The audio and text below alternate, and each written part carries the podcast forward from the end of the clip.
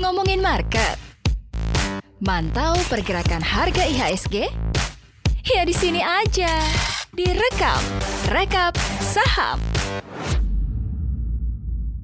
Halo Sobat Cuan, selamat morning, good pagi. Happy Friday Sobat Cuan. Selamat datang kembali di segmen yang paling dinanti Sobat Cuan di pagi hari.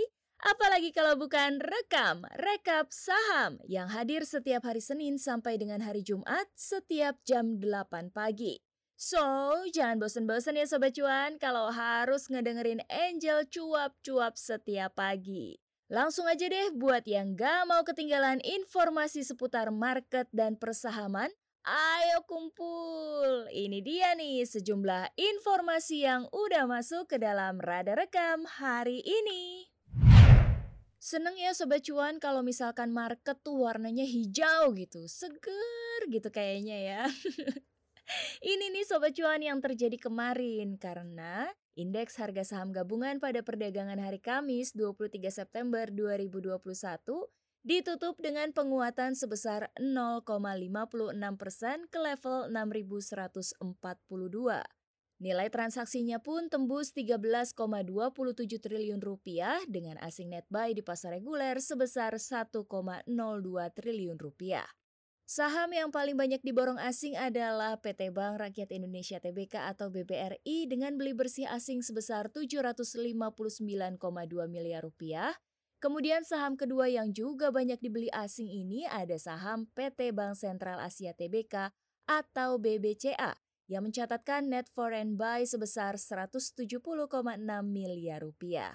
Sementara itu, saham yang banyak dilepas asing juga ada dari saham perbankan nih, yaitu PT Bank Negara Indonesia Tbk atau BBNI yang dilepas asing sebesar 69,3 miliar rupiah juga ada PT Bank MNC Internasional Tbk atau BABP dengan net sell 42,9 miliar rupiah.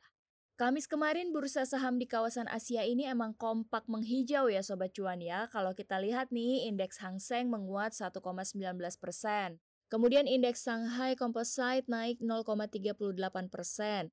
Dan juga Straits Times terapresiasi 1,3 persen. Selain itu, bursa Wall Street Amerika Serikat juga kompak ditutup menghijau. Ayo kita lihat nih, ada indeks Dow Jones naik 1%, kemudian S&P 500 menguat 0,95% dan Nasdaq Composite terapresiasi 1,02%. Aduh, senang ya kalau kompak menghijau gini gitu ya. Kalau kita lihat lagi nih, kenapa mereka kompak menghijau? Karena adanya sentimen positif. Mulai dari Bank Sentral Amerika Serikat atau The Fed dan para koleganya yang telah memutuskan untuk tetap mempertahankan suku bunga acuannya mendekati angka nol. Sedangkan dari sisi program pengurangan pembelian obligasi atau tapering, The Fed ini menyatakan bahwa tapering dapat dilakukan pada pertengahan tahun 2022 seiring dengan anggapan bahwa kenaikan suku bunga mungkin saja bisa terjadi lebih cepat dari yang diharapkan sebelumnya. Di sisi lain, dari perkembangan soal krisis likuiditas Evergrande, sepertinya kekhawatiran pasar sudah mulai mereda. Apalagi setelah pihak manajemen Evergrande secara resmi menyatakan akan membayar kewajibannya ini tepat waktu. Ya mari kita doakan bersama agar IHSG hari ini kembali ditutup menguat di zona hijau dan kalau bisa sih ya tembus ke level 6300, 6400, 6500 gitu ya sobat cuan ya. Ya namanya juga harapan ya, aminin aja yang kenceng, siapa tahu terkabul, ya enggak? Sobat Cuan, usut punya usut, kayaknya ada yang mau kolaps nih Sobat Cuan. Kali ini ada emiten teknologi dari grup MTech, PT Bukalapak.com Tbk atau Buka yang membuka peluang kolaborasi dengan Salim Group milik Taipan dan bos Indofood Anthony Salim. Presiden Bukalapak Teddy Utomo mengungkapkan saat ini grup MTech memang belakangan melakukan kerjasama dengan Salim Group terkait dengan ekosistem digital. Sedangkan MTech Group atau PT Elang Mahkota Teknologi Tbk atau EMTK saat ini tercatat sebagai pemegang saham pengendali Bukalapak melalui PT Kreatif Media Karya atau KPK dengan kepemilikan 23,93 persen saham atau setara dengan 24,66 miliar saham. Belum lama ini, MTech menjajaki potensi kerjasama ekosistem digital dengan Anthony Salim Group yang juga fokus pada infrastruktur teknologi. Ya kita harapkan saja semoga dengan adanya peluang kerjasama ekosistem ini bisa menciptakan sinergi dan juga pertumbuhan yang positif bagi kedua grup atau kedua perusahaan ini gitu ya. Tugas kita mah cukup pelajari dan juga pantau terus gitu ya sahamnya ya. Kalau menurut kalian sahamnya mengandung cuan, ya nggak ada salahnya, langsung aja eksekusi gitu ya. Tapi kalau belum, ya jangan dipaksakan juga. Karena kan yang punya modal kalian, jadi harus bijak menggunakan modal kalian di pasar modal ini ya Sobat Cuan ya. Kita tinggalkan sektor teknologi. Kali ini ada yang menarik nih dari sektor perbankan yang sahamnya juga banyak dibeli asing pada perdagangan Kamis kemarin, yaitu PT Bank Sentral Asia Tbk atau BBCA. Pemegang saham BBCA menyetujui aksi korporasi pemecahan saham yang beredar atau stock split. Aksi korporasi ini telah mendapat persetujuan dari Rapat Umum Pemegang Saham Luar Biasa atau RUPSLB yang diadakan pada Kamis kemarin. RUPSLB ini memberikan persetujuan atas aksi korporasi stock split dengan rasio 1 banding 5. Artinya, satu saham yang ada saat ini dipecah menjadi 5 saham baru. Nilai nominal per saham BBCA saat ini adalah Rp62,5. Sedangkan nilai nominal per saham BBCA setelah stock split akan menjadi Rp12,5. Setelah mendapat persetujuan pemegang saham melalui RUPSLB, Perseroan akan berkoordinasi dengan otoritas terkait guna memproses stock split yang diperkirakan akan selesai pada bulan Oktober 2021 mendatang. Ya, dengan aksi korporasi ini diharapkan harga saham BCA ini bisa lebih terjangkau bagi para investor retail gitu ya Sobat Cuan ya, supaya bisa mendukung perkembangan pasar modal Indonesia juga gitu ya.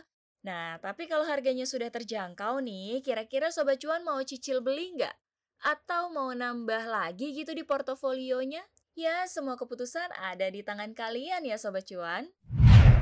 Dari sektor perbankan, kita beralih ke emiten industri perfilman pengelola jaringan bioskop, yaitu CGV atau PT Graha Layar Prima Tbk atau BLTZ, yang mengumumkan sampai dengan hari Kamis kemarin sudah kembali membuka sebanyak 48 bioskop di sejumlah daerah di Indonesia semenjak aturan pemberlakuan pembatasan kegiatan masyarakat dilonggarkan.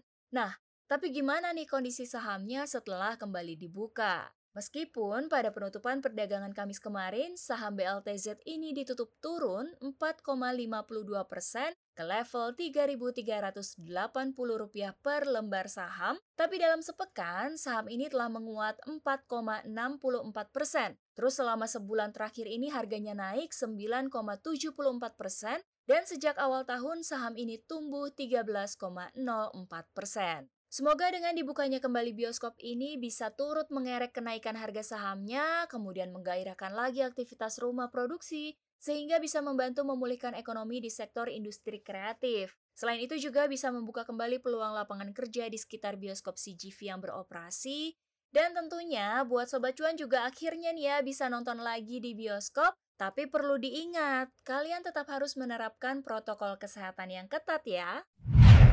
Itu dia informasi bergizi di pagi hari ini. Semoga bisa membantu kalian dalam meracik portofolio hingga ciamik dan pastinya mendatangkan cuan berlimpah ya.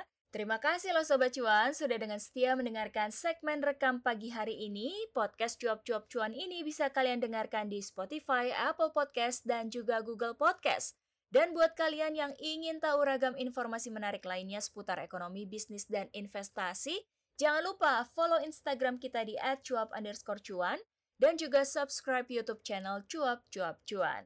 Angel pamit ya Sobat Cuan, selamat bertransaksi dan happy weekend. Bye!